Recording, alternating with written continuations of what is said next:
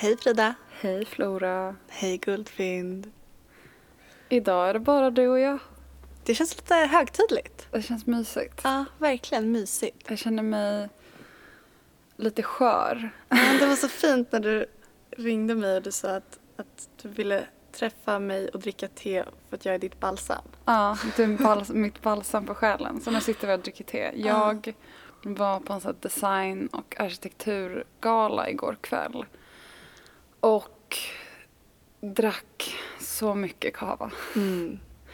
Alltså det började klockan fem och det var så här, dels var det öppen bar och det är ju farligt nog. Men också hade de folk som gick runt med de här flaskorna. Så medan man stod och pratade någon så kom de över axeln och så fyllde upp glaset. Och kava dricker man så himla himla fort också. Det bara rinner ner och Ja. man blir så himla fnittrig. Ja. Fast det är ju faktiskt det bästa. Ja, det, är så, det är härligt.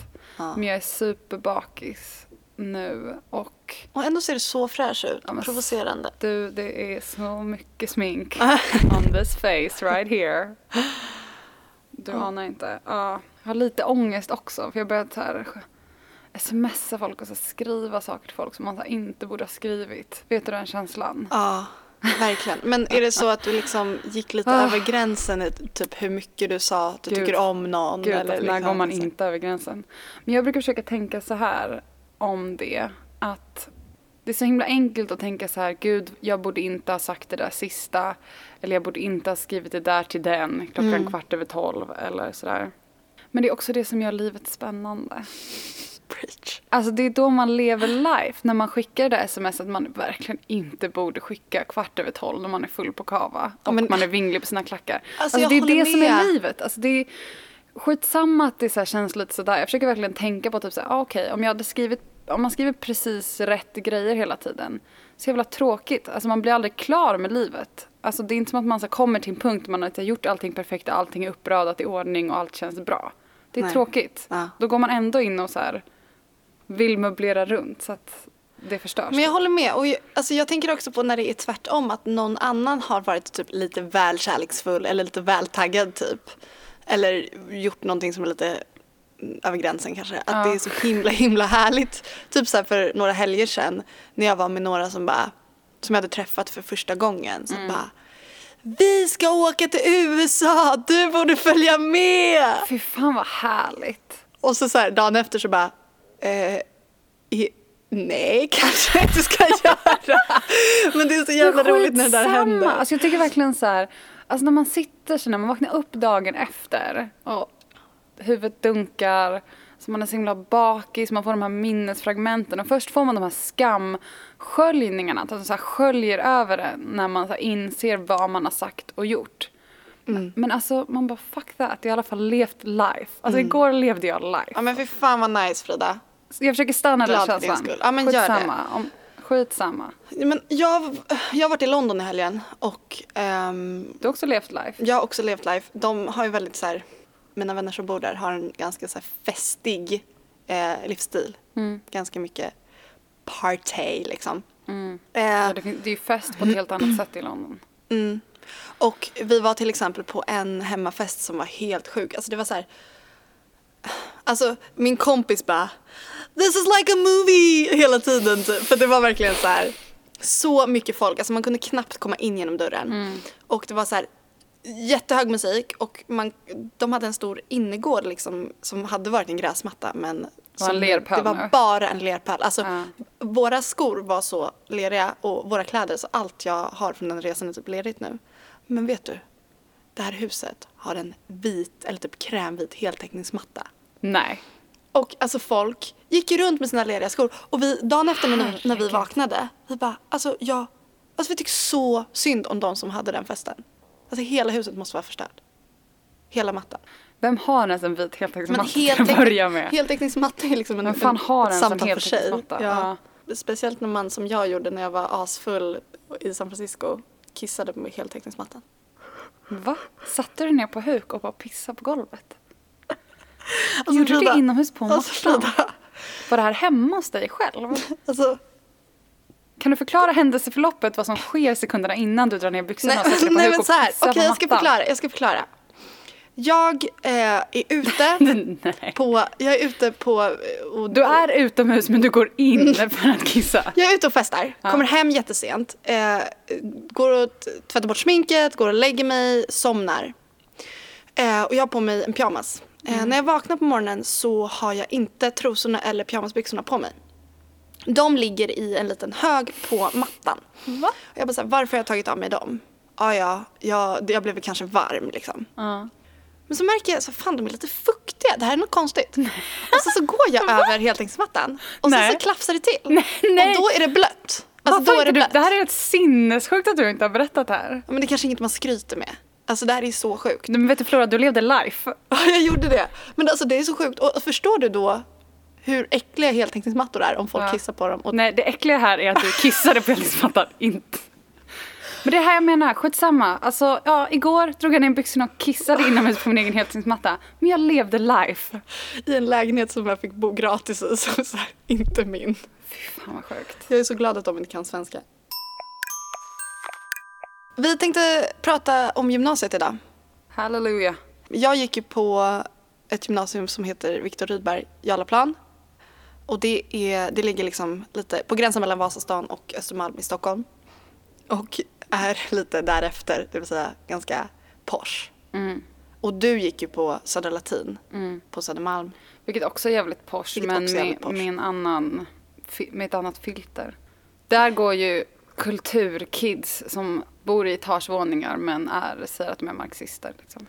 Precis, där har de kanske Sandqvist-väskor och i min skola så hade man kanske Mulberry-väskor. Mm. Eller liksom att det är två sidor av samma överklassmynt. Precis, alltså de, lika mycket cash båda två Mm. men har lite olika klädstil. Gillade du gymnasiet Frida? Nej, det sög så jävla mycket. Varför sög det? Alltså det var en jävligt jobbig tid bara. Jag kände mig ensam mycket. Mm. Jag kände att jag inte var tillräckligt cool, att man inte var med. Alltså alla de här grejerna. Jag tror att det är så himla classic. Alltså det här är så lustigt för jag minns ju att jag läste din blogg när du gick på gymnasiet och jag tänkte att du var så här regerade Södra Latin typ. Åh gud nej, verkligen inte. Alltså visst, jag hade så här ett ganska stort umgänge i så här många personer man jag ändå kunde hänga med. Men jag kände mig ändå alltid liksom utanför. Vissa perioder var det väldigt bra med så här kompismäster, man var stora gängsmängder. Men sen vet jag också att det var vissa perioder då det hade hänt olika saker så av olika anledningar så var man liksom inte lika självklar del i det där gänget. Så det var absolut alltså perioder under mitt, alltså gymnasiet där jag åt själv i skolmatsalen. Och typ så här grät på skoltoaletterna. Men skulle du säga att du mådde bättre på gymnasiet än vad du gjorde på högstadiet? Gud nej, alltså jag mådde ännu sämre på högstadiet. Det, alltså högstadiet sög verkligen, då var jag knappt där. Jag grät på skoltoaletterna varje dag. Gud vad är det här för tema? Jag bara, jag bara grät Ja men och grät. eh, det hör till. jag grät också jättemycket på gymnasiet. Speciellt första tiden. Alltså verkligen varje kväll. Mm. För att jag var så himla himla chockad över typ studietakten. Jag kände mig osmartast i klassen, vilket jag verkligen inte var. Men folk var bara så här, du vet, räckte upp handen och upprepade vad man redan hade sagt. Och fick typ pluspoäng hos läraren. Och typ, jag vet inte, så att man uppfattade att man var typ osmart. Mm. Men de var ju också det. Men också typ så här rädslan över att inte få vara med liksom. Mm. Vilket speciellt tänker jag när man börjar gymnasiet. All, alltså alla känner ju den rädslan. Mm. Även de som man kanske upplever är populära. Liksom. Mm. Gud ja. Jag tycker att, alltså jag minns så väl att komma till skolan om morgnarna och att det var så jobbigt innan lektionerna började och man skulle stå där lite casual i korridoren och vänta och man kanske inte hade någon att vara med liksom. Mm.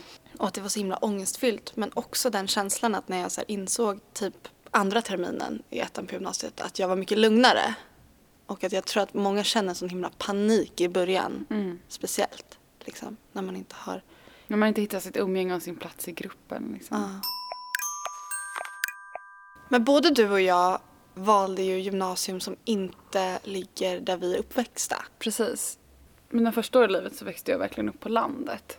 När jag säger landet så menar jag liksom inte en stad som är mindre än Stockholm. Utan när jag säger landet då menar jag en liten ort utanför Tierp där folk är alltså lantbrukare och ha- har, driver olika typer av jordbruk liksom. Så där kommer jag ifrån först. Och sen så flyttade vi till Upplands Väsby, vilket inte är en förort till Stockholm för det är till och med en egen kommun men som anknyter till Stockholm med, det är längst ut på pendeltågslinjen helt enkelt. Så där gick jag i skola sen. Eh, och sen när alla började högstadiet, då var jag såhär, nej men jag orkar inte med de här personerna längre. Nu vill jag ha något annat. Och då sökte jag själv in till högstadiet i Sollentuna. Och så började jag gå där och sen när alla skulle börja det gymnasiet som alla i Sollentuna börjar på, vilket heter Rudbeck, då var jag såhär, nej gud alltså, där tänker jag fan inte gå. Så hade jag sett alla de här kidsen som verkar så himla coola som gick på Södra. Hur hade du sett dem på typ bilddagboken? Ja, jag hängde på bilderboken och det var verkligen så mycket poppar och indie Ah, kids. Och alla de gick runt med de här Södra Latin-tygpåsarna. Man bara wow. Ah. Eh, så jag var gud, där måste jag gå. Och Södra det fanns bara Latin, ett, ett val för mig. Ja, Södra Latin är ju liksom skolan som alltid porträtteras typ i film och typ, alltså Södra Latin är ju typ så um, kultig skola. Så Den har funnits Gud, ja. så länge. Gud ja. Eh, det var så himla, det var verkligen en kulturkrock för mig. Från att ha gått på en skola liksom längre ut där folks föräldrar jobbar på kontor eller de är typ sjuksköterskor eller de är arbetslösa eller de är whatever. Till att börja på en skola där folks föräldrar är eh, kända verksamma konstnärer. De är skådespelare, det är Sveriges största journalister, programledare. Eh, det finns ett sånt enormt kulturellt kapital framförallt och ekonomiskt kapital men framförallt ett enormt kulturellt kapital hos eleverna som, som går på den här skolan som jag tror inte de som är mitt uppe i det ser. Men om man kommer utanför från en annan bakgrund så blir det väldigt tydligt vilket eh, privilegium de här personerna har som går där. Men liksom. framförallt så tänker jag i den åldern att man inte riktigt är medveten om sånt. Mm, nej, kanske inte. Jag var definitivt inte det. Alltså, jag har ju förnekat typ mitt egna kulturella kapital fram tills nu. Alltså lite så, för jag har inte förstått det. Mm. Ja, det klart så man jag tänker ja. att det är så här, när man är lite äldre och kan titta tillbaka på. Ja, men det är väl inte förrän i gymnasiet man börjar få någon typ av uppfattning om sig själv i Mm. om sig själv och sin egen plats i samhället. Det är väl därför så många blir så här politiskt aktiva under gymnasiet. Folk blir, man blir vegetarian eller man börjar ta liksom så här individuella beslut. Men det där tycker jag är så himla eh, intressant också för att om, om det var liksom kultureliten på Södra Latin så var det ju liksom så här, alltså Sveriges rikaste åt andra hållet typ på Viktor Rydberg. Inte i alla fall men liksom i många fall så var det verkligen så barn till extremt rika människor. Och där fanns det ju också ett politiskt intresse men åt andra hållet, åt liksom högerhållet. Och vi pratade ju typ inte om genus. Alltså vi, det var typ så här i trean på gymnasiet vi började typ, eller lite tidigare liksom såklart i mitt sammanhang. Men så här, det var liksom inte en del av diskussionen som jag vet att det var till exempel på Södra eller Gud, ja. globala. Eller så, så här, jag upplevde era skolor Alltså, som så himla mycket mer spännande och intressanta och coola liksom av den anledningen. Absolut. Alltså majoriteten på Södra Latin är ju ändå röda. Liksom. Man, många är ja, socialister eller, eller väldigt många kommunister också. Säkert procentuellt mer kommunister på Södra Latin än en genomsnittlig gymnasieskola. Också många liberaler, värt att säga. Men eh, visst, det var en väldigt, väldigt, väldigt, röd, väldigt röd skola. Mm. Men att jag, Om någon färgade sitt armhål hår så fick den liksom en high five. Alltså det är verkligen att leva i en bubbla. Jag tror inte för att de flesta gymnasieskolor i Sverige när någon kom med rosa armhål, alla bara nice. nej. Och att, Alltså, så här, all, att det var en självklarhet att alltså, alla sa att de var feminister. De coolaste killarna, de snyggaste coolaste killarna pratade om att de var feminister. Sen obs, finns ju lite att dissekera där om hur det efterlevdes och så vidare. Men, eh, men att ens säga en sån sak. Det här avsnittet sponsras av Guldfynd. Yay! Kommer du ihåg trenden med när man hade typ 100 miljarder halsband varav många var med så här kors och grejer? Mm. Alltså det var typ det finaste jag visste när jag gick på gymnasiet. Att ha så här jättemånga armband och halsband med så här silverkors och typ så här flätade läderband och typ Alltså så här, Just det här med kors, det var länge sedan. Ja, det, men det var verkligen så här min grej. Typ. Och så när man gick så rasslade det så här. Alltså jag hade verkligen så mycket smycken. Vad var din liksom? Smyckesgame. Ja, Jag hade så mycket örhängen. Okej. Hade du inga andra smycken? Alltså jag har liksom svårt för andra så mycket för jag tycker ibland att det är i vägen. Ja, jag fattar.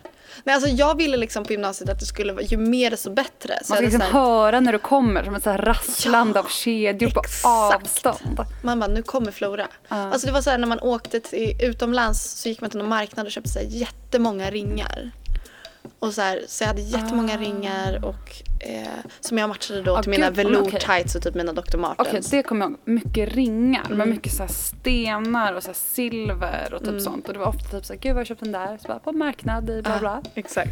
Och jag kommer ihåg att det var en jättestor trend på gymnasiet med, angående smycken med typ så kristaller. Ja just det. Kommer du ihåg den Ja. vändan när man skulle ha kristaller? Jag hade aldrig det men jag ville väldigt gärna ha det. Jag hade det. Snyggt. Tack. Men eh, nej jag vet inte, nu känner jag att det här korstrenden har jag lagt lite bakom mig så nu är det mer enkla smycken som gäller. Gud ja, forever. Vilket man kan köpa på Guldfynd. Det jag tycker är ganska fint också, som de har på Guldfynd, är såna här månadsstenar typ. Vet du vilka jag menar då? Nej. Det är så här, de, man har liksom olika färger typ för olika månader och så brukar man få såna här doppresent. De tycker jag är väldigt fina, det är som så här små. Färgade stenar. Ja, ja typ. jättefint. Mm. Det finns guldfyndbutiker över hela landet och ni hittar även dem på webben. Och på Instagram. Mm. Tack Guldfynd. Gymnasiet spelar verkligen inte så jävla stor roll. Jag vill säga ja och jag vill säga nej. Men gud, verkligen. Allt är relativt. Alltså om man vill bli läkare, ja det är ju ganska bra. Då måste man ju ha bra gymnasiebetyg. Ja fast de, man kan ju också plugga upp dem sen. Ja, det beror på vem som sitter i Ja, så är det ju. Nej men det, det jag menar är att Alltså jag har haft kompisar som har varit så här, jag behöver inte, jag, ska, jag går till skolan, jag pluggar, jag har inget socialt liv i skolan utan det har jag utanför liksom. Men för mig var det väldigt mycket så att när jag började gymnasiet, det var då jag började definiera mig själv. För att innan så hade jag nog kanske varit, alltså som man är på högstadiet, man är, man är fjortis, man är Emo, fjortis eller emo. Eh, Men när jag kom till eh, Viktor Rydberg och jag gick bildlinjen så fick jag liksom hitta typ den här lilla indie-tjejen som jag ville vara. Eh, Och det, eh, det var... var- superviktigt för mig. Gud alltså jag menar inte så här gymnasiet, det jag menar det är så här. Jag tycker att man ska välja ett gymnasium där, eller man gillar tanken på att det här är en plats jag ska vistas på i tre år. Snarare än att lusläsa liksom, de här liksom gym- gymnasiebroschyrerna. Utan så här, magkänsla, gå dit och så här, är det här en plats jag vill vara på? Vilka personer tror jag kommer hänga här? Är det personer jag är intresserad av att hänga med? Och mer välja på den grejen än så här enskilda kurser. För det i slutändan Absolut. tror inte jag spelar stor roll. Det, det handlar väl mer om, om platsen liksom. att man hittar ett sammanhang som man tycker om. Och det där tycker jag är jätteviktigt för att väldigt många känner väldigt mycket press från sina föräldrar till exempel. Att välja ett gymnasium som kanske ger bra behörighet till universitetet. Men jag tror att det är så himla lätt att glömma bort typ att man kan välja till exempel estetlinjen och sen välja till kurser för att få den behörigheten om man nu vill ha det. Alltså att det är så många som tror att de måste plugga typ natur och sen är det ingenting mer med det. Liksom. Men att, man, att det finns så många alternativ och att just de här tilläggskurserna kan eh, vara så viktiga. Du valde till keramik till exempel. Gud ja. Jag valde till teater. Alltså att det finns, att man kan skapa sin, sitt eget upplägg också vilket är så himla eh, uppmuntrande tycker jag. Gud vi låter som förvirrade syokonsulenter. Apropå syokonsulenter. Alltså vi hade ju då en tredjedel, eller hälften kanske, av eleverna var esteter. När vi hade såna här typ, möten när alla i trean skulle samlas och titta på en jävla overhead där man fick se vad man kunde göra efter man hade tagit studenten. Så var det liksom bara typ så Harvard, Handels, alltså sådana saker. Alltså, och när man ställde frågor angående typ så estetiska utbildningar inga kommentarer. Alltså, vi blev aldrig rekommenderade till exempel folkhögskola. Vi blev aldrig rekommenderade någonting som hade med estetisk inriktning att göra. Utan det var bara så här. När Harvard accepterar er, då är det viktigt att ni inte säger nej. Alltså det är väldigt så här. De förutsatte så himla ofta att man skulle vilja plugga åt det hållet. Jag vet inte ens vad typ en syokonsulent är. Jag vet att det är så en person som typ så ska ge någon typ av guidning i vad man ska göra. Men jag har aldrig träffat en syokonsulent. Nej, jag vet, Jag vet inte ens vad syo står för. Jag bara säger det som så här, jag vet att det är en person som typ Men alltså det tycker kan till. ju vara viktigt. Alltså till exempel när jag gick på i nian och skulle välja gymnasie så sa min lärare, det var ju visserligen inte en syo, men, men då sa min lärare, han bara Flora, jag tror att du skulle vara bra att du skulle tycka om att gå estetiska programmet. Och jag minns att jag aldrig ens hade hört ordet estetisk, estetisk så jag visste inte vad det var. Så han Det fick liksom, så jag, fick, jag minns att han fick berätta för mig så här, ja då kan man gå bild och typ att jag bara Va? Är det sant? Men hur hanterar man då om man mår skit på gymnasiet? Ja, alltså... Nej, men jag tror att det är väl bra att eh, söka hjälp. Alltså jag hade ju en, en psykolog genom hela gymnasiet. Och sen så vadå? Jag tycker man kan skita i att gå dit också. Mm. Verkligen. Jag hade 17 procents närvaro i trean. Obs! Inte 17 procents frånvaro, utan 17 procents närvaro. Nej men alltså det där tycker jag också är, alltså verkligen, om gymnasiet inte funkar så funkar det liksom inte. Man är inte Nej. strandsatt för resten av livet. Sen har ju du valt en yrkesbana där du inte, där du klarar dig ändå. Men Mm. vill man bli läkare så kanske det blir svårt. Liksom. Men alltså, till exempel Gud, jag har en alltså, vän beror- nu som pluggar på komvux som, eftersom komvuxreglerna är ändrade så måste han eh, plugga typ så tre gånger så mycket som Mm. han skulle ha behövt om han hade pluggat om kurserna på gymnasiet istället. Så det suger ju. Ja, alltså grejen är man kan verkligen klara sig i livet utan gymnasieutbildning och utan att gå den akademiska världen, vägen. Liksom. Men eh, att gå en, göra sin egen väg kräver så otroligt mycket mer driv och energi än att gå den mer Ja. klassiska vägen tror jag. ja, beroende på vad man vill ha för yrke förstås. Jag gick på högstadiet i Orminge och sen, eh, som ligger utanför Stockholm och sen så skulle alla mina kompisar typ börja på Nackgymnasium, eller väldigt många. Och det var också så att jag bara så här, ville verkligen inte, eh, jag ville få skapa mig själv på nytt. Och jag tror att det är så, Mm. Men jag tror att det är precis därför jag också bröt av och började andra skolor. Att ibland kan det vara så jävla skönt att få en fresh start. Mm. Att komma in på en skola, börja med andra elever som in, man inte har gått med tidigare. För då får man en chans att att definiera sig själv på nytt och inte bara dras med de bilderna folk redan har av en. Mm, precis. Och det var så fint. Och jag kommer ihåg att jag, jag kände ett par stycken som skulle börja samma skola som jag. Eh, varav en är min kompis Bea. Och jag minns att vi satt på Nytorget och det var några dagar innan skolan skulle börja. Och vi såg ett gäng med ungdomar som satt i en ring på gräset och drack öl. Och jag minns att jag sa till henne så här, skuffade henne i sidan och bara Bea, så där vill jag att det ska vara när jag går på gymnasiet. Och sen så blev det så. Alltså det var verkligen så. Sen så, så här, nästa sommar så var det jag som satt där och I drack gräset öl. och drack öl. Eh, och att det är så himla himla fint att så här, man kan verkligen hitta rätt liksom. Raggade du mycket när du gick på gymnasiet? Med dina klasskompisar och sånt? Nej, alltså inte på skolan. Jag hade, jag hade ingen grej med någon på skolan. När jag gick på gymnasiet så låg jag bara med 30-åriga killar. Skämtar du? Nej, men jag hade en liten... eh, Nej, men jag eh, låg inte med gymnasiekillar. Jag låg med killar som var i kris. Och därför låg med Och gymnasietjejer. därför låg med gymnasietjejer. Mm. Exakt. Mm. Så det, det ägnade jag mig åt. Eh, Härligt. ja, det var nog ändå föredra. Nej, Jag vet inte, jag tyckte det var ganska kul att ragga på folk i skolan. Jag blev ju visserligen ihop med min kille, vi gick i samma klass och sen blev vi ihop. Eh, så att den största delen av gymnasiet så var ju jag tillsammans med honom. Men jag minns så väl känslan av att innan, innan det hände att jag behövde ha någon och jag spanade in någon i varje klass. Ja, liksom. men alltså, alltså gud, alltså, det var verkligen så folk jag tyckte var så snygga. Alltså när man började ettan typ. Och så var det så här killarna i trean. Som var så jävla snygga. Så man Eh, kanske fick till ett hångel med ah. på någon fest någon gång. så Men de- oftast inte. Gud, det hände fan aldrig mig att jag fick hångla med någon cool kille i trean. Kan jag säga. Men eh, jag kollade på avstånd. Det är fascinerande hur eh, vuxna de såg ut i jämförelse med de killarna i ettan. Men det är för att det händer så himla mycket i kroppen typ under gymnasieåren. Så man tittar på så här, gymnasieettor. Alltså, de, alltså man förändras man går ju verkligen från barn till vuxen Mm. person. Obs, inte i huvudet. Nej, verkligen inte. Det är någonting, alltså man tror att man är jävligt fullskapt gud, när man går på Det gymnasiet. är ju så himla det är gulligt när man tänker tillbaka. Typ Ja. så här, hur jag gick på gymnasiet och, gymnasiet och kom hem till mina föräldrar och berättade hur världen var. Jag bara, Gud, alltså, ni, så, ni fattar, fattar ingenting! så här kommer det väl antagligen alltid vara visserligen. Men jag tror att det stämmer så himla mycket att så här, ju äldre man blir desto mer, desto mindre kan man.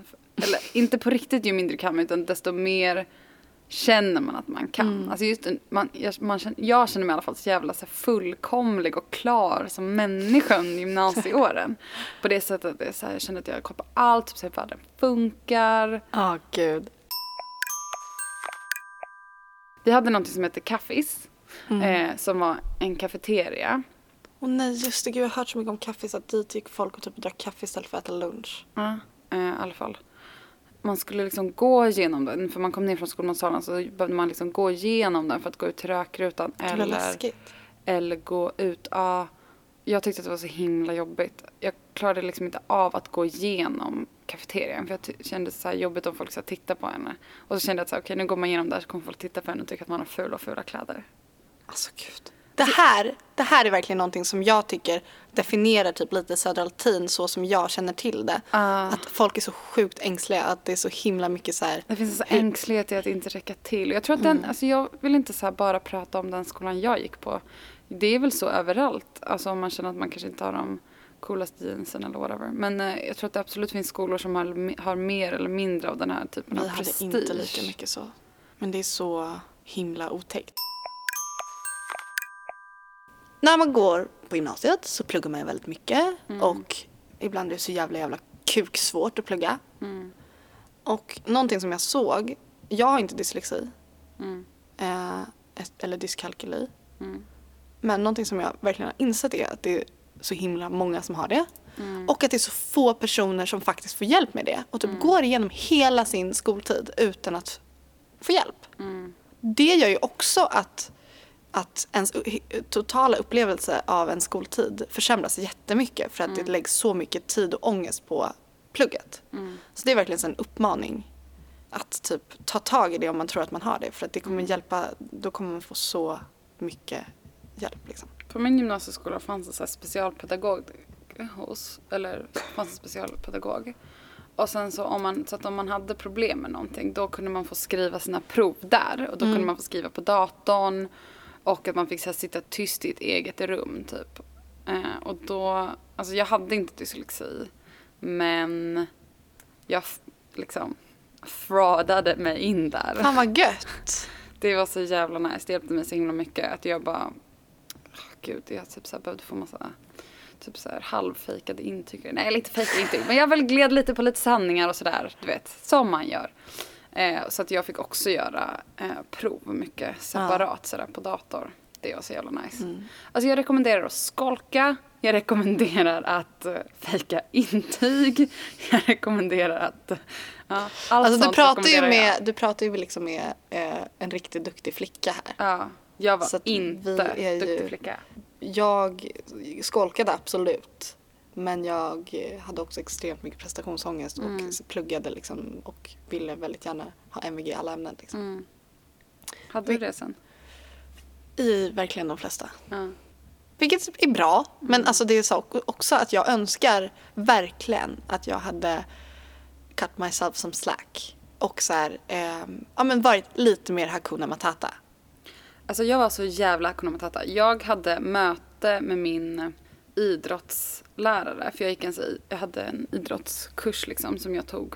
Eh, eh, boll och racket hette den. För det var den eh, enklaste kursen och den låg väldigt bra i schemat som jag behövde Va? ta. Finns det en specifik? Ja, jag, gick, jag valde eh, boll och racket för att jag behövde komma upp i en viss poäng.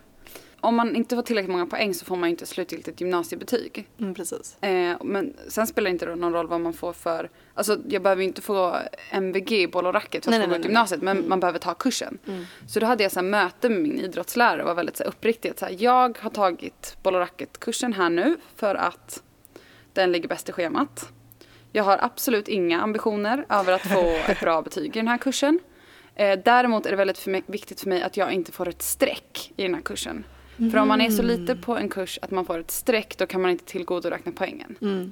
Så du måste berätta för mig hur ofta jag måste befinna mig här för att kunna få ett IG. Alltså du är så jävla badass. Han bara, eh, ja, alltså om du vill ha ett IG då måste du nog ändå försöka komma var tredje gång. jag bara, ja. och sen gick jag på den kursen exakt var tredje gång. Då kom jag dit, ibland ombytt, ibland inte ombytt. Och bara, "Hej, jag är lite sjuk idag men jag sitter på kanten. Han bara Åh. Men han var väldigt alltså, fy fin. fan vad jag önskar att jag hade varit mer som du Frida. Alltså jag tror att så här, en mix av oss kanske hade varit bra. Ja precis. För jag eh, För går man så för himla, mycket åt himla- ditt håll då får man så himla mycket ångest över att man inte räcker till. Jag hade ingen ångest över att inte räcka till. att så här, gå in med ambitionen. av att- vadå? Nej det är bara jag som är, förlåt vad sa du? Att gå in Att här, gå in med ambitionen i en kurs att så här, mitt mål i den här kursen är att få ett IG. Det är superfint. Alltså det här med sexiga lärare. Ah, berätta allt. Jag tror först och främst, om jag ska analysera det här fenomenet, så tror jag att det mycket handlar om att skolan är en miljö med så mycket fula lärare. Alltså fort det finns en enda person som ser okej ut så blir ju den verkligen sexualiserad på ett sätt som är helt... Ja, eller, Otroligt. eller om det finns en person som är typ under 60. Ja, ja, det räcker med att du är inte ful och under 60 så blir man ju så här, den här heta läraren. Den jag vill prata om är Sebastian Silvander. Åh gud, du namedroppar här! Det här, det här blir Facebook-sök Ja. på det här. Om någon känner honom så snälla berätta det här. Varför var han så het? För att han var under 60 och såg okej ut. Okej. Har du honom på Facebook? Verkligen inte. Skulle du kunna ha det? Nej, verkligen inte. Ehm, för han var liksom lite hipstrig. Han typ så här gick till Debaser på helgen och drack en öl. Man bara, du gud, han är räckte. människa. Ja. Det räckte. Ehm, han såg helt okej ut och var under 60 och vi hade honom som handledare och det var verkligen så en grej med Sebastian Silvander och han visste om det. Åh, så på, nej. ja men, men det var roligt, alltså han var ändå rolig. Han, det kan han väl få. Gosa in sig med att det ändå finns några våta 17-åringar där ute som vill ha honom. Eh, men på, det roliga var att så här, på vårt flak sen, för att om man har flak så kan man ju sätta upp lite bilder eller skriva lite texter eller liksom någonting sånt där. På studentflaket? På studentflaket. Så på vår student, då hade vi en stort lakanskylt som täckte hela baksidan på vårt flak. Och då hade vi, han, vi hade två lärare som var våra så här, handledarlärare liksom. Ja. Och då hade vi planerat där och sen så när det var dags för oss att gå ut till vårt flak då var vi såhär Sebastian, du måste komma och kolla bak på vårt flak. Åh herregud Så då kommer han ut och tittar och hans ögon, alltså han var så generad men ändå lycklig. generad. Han bara yes, de här personerna håller på att Ja. gå ut så imorgon kan vi ligga. Exakt. Nej. Men i alla fall så himla generad, så himla lycklig och samtidigt rädd. För på hela baksidan av vårt flak hade vi en tjej i vår klass som var väldigt duktig på att rita. Ritat Sebastian Silvander, eh, hans överkropp, hans ansikte, man såg väl att det var han, utan tröja.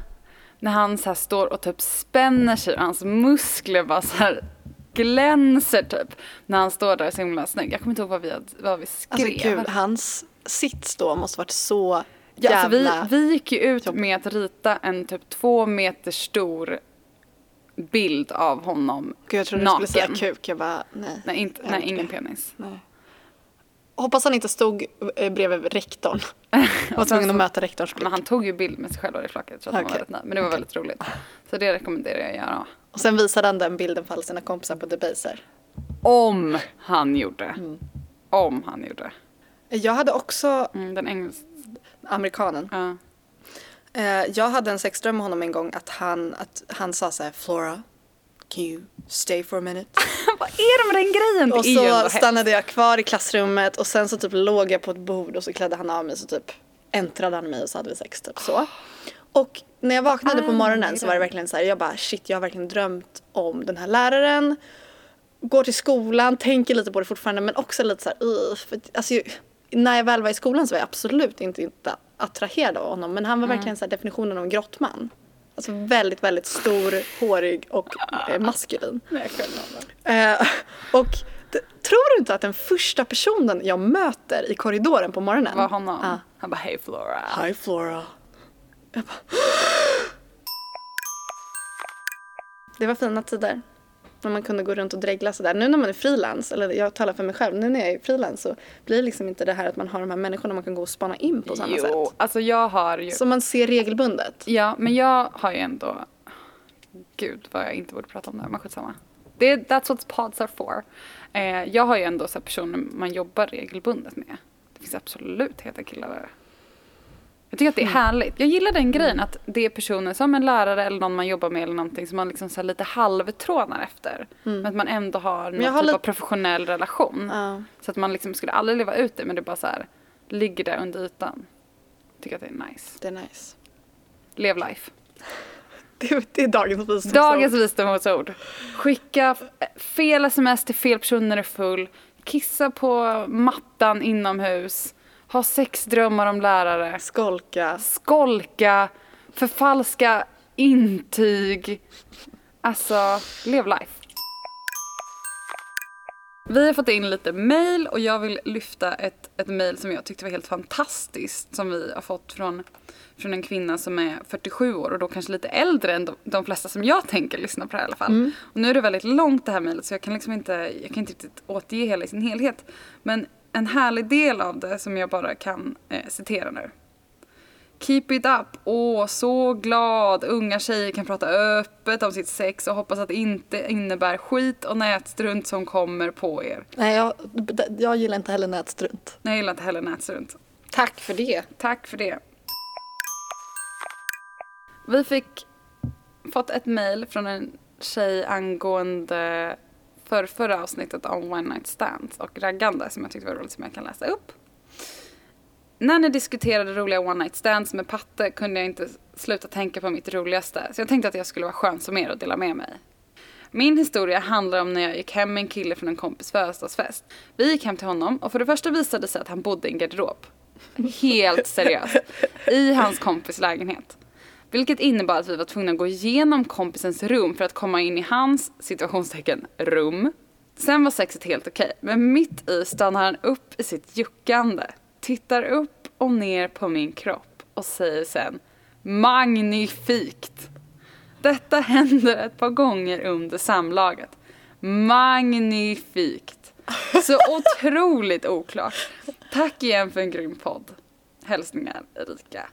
Men alltså från vilket årtionde är den här personen? Magnifikt. Jag tycker faktiskt att det låter helt magnifikt.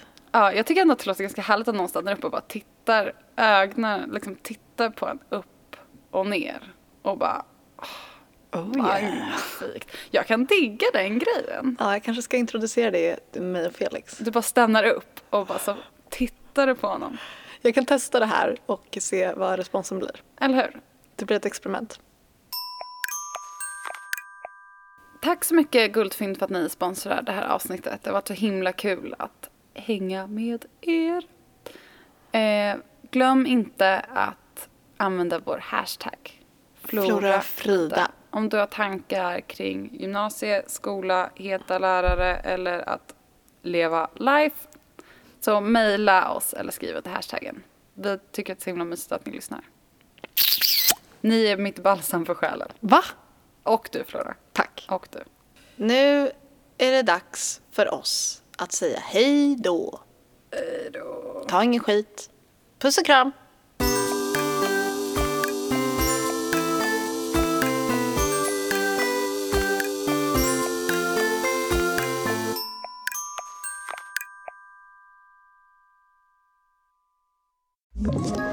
Ett poddtips från Podplay. I fallen jag aldrig glömmer djupdyker Hasse Aro i arbetet bakom några av Sveriges mest uppseendeväckande brottsutredningar. Går vi in med hemlig telefonavlyssning och, och då upplever vi att vi får en total förändring av hans beteende. Vad är det som händer nu? Vem är det som läcker?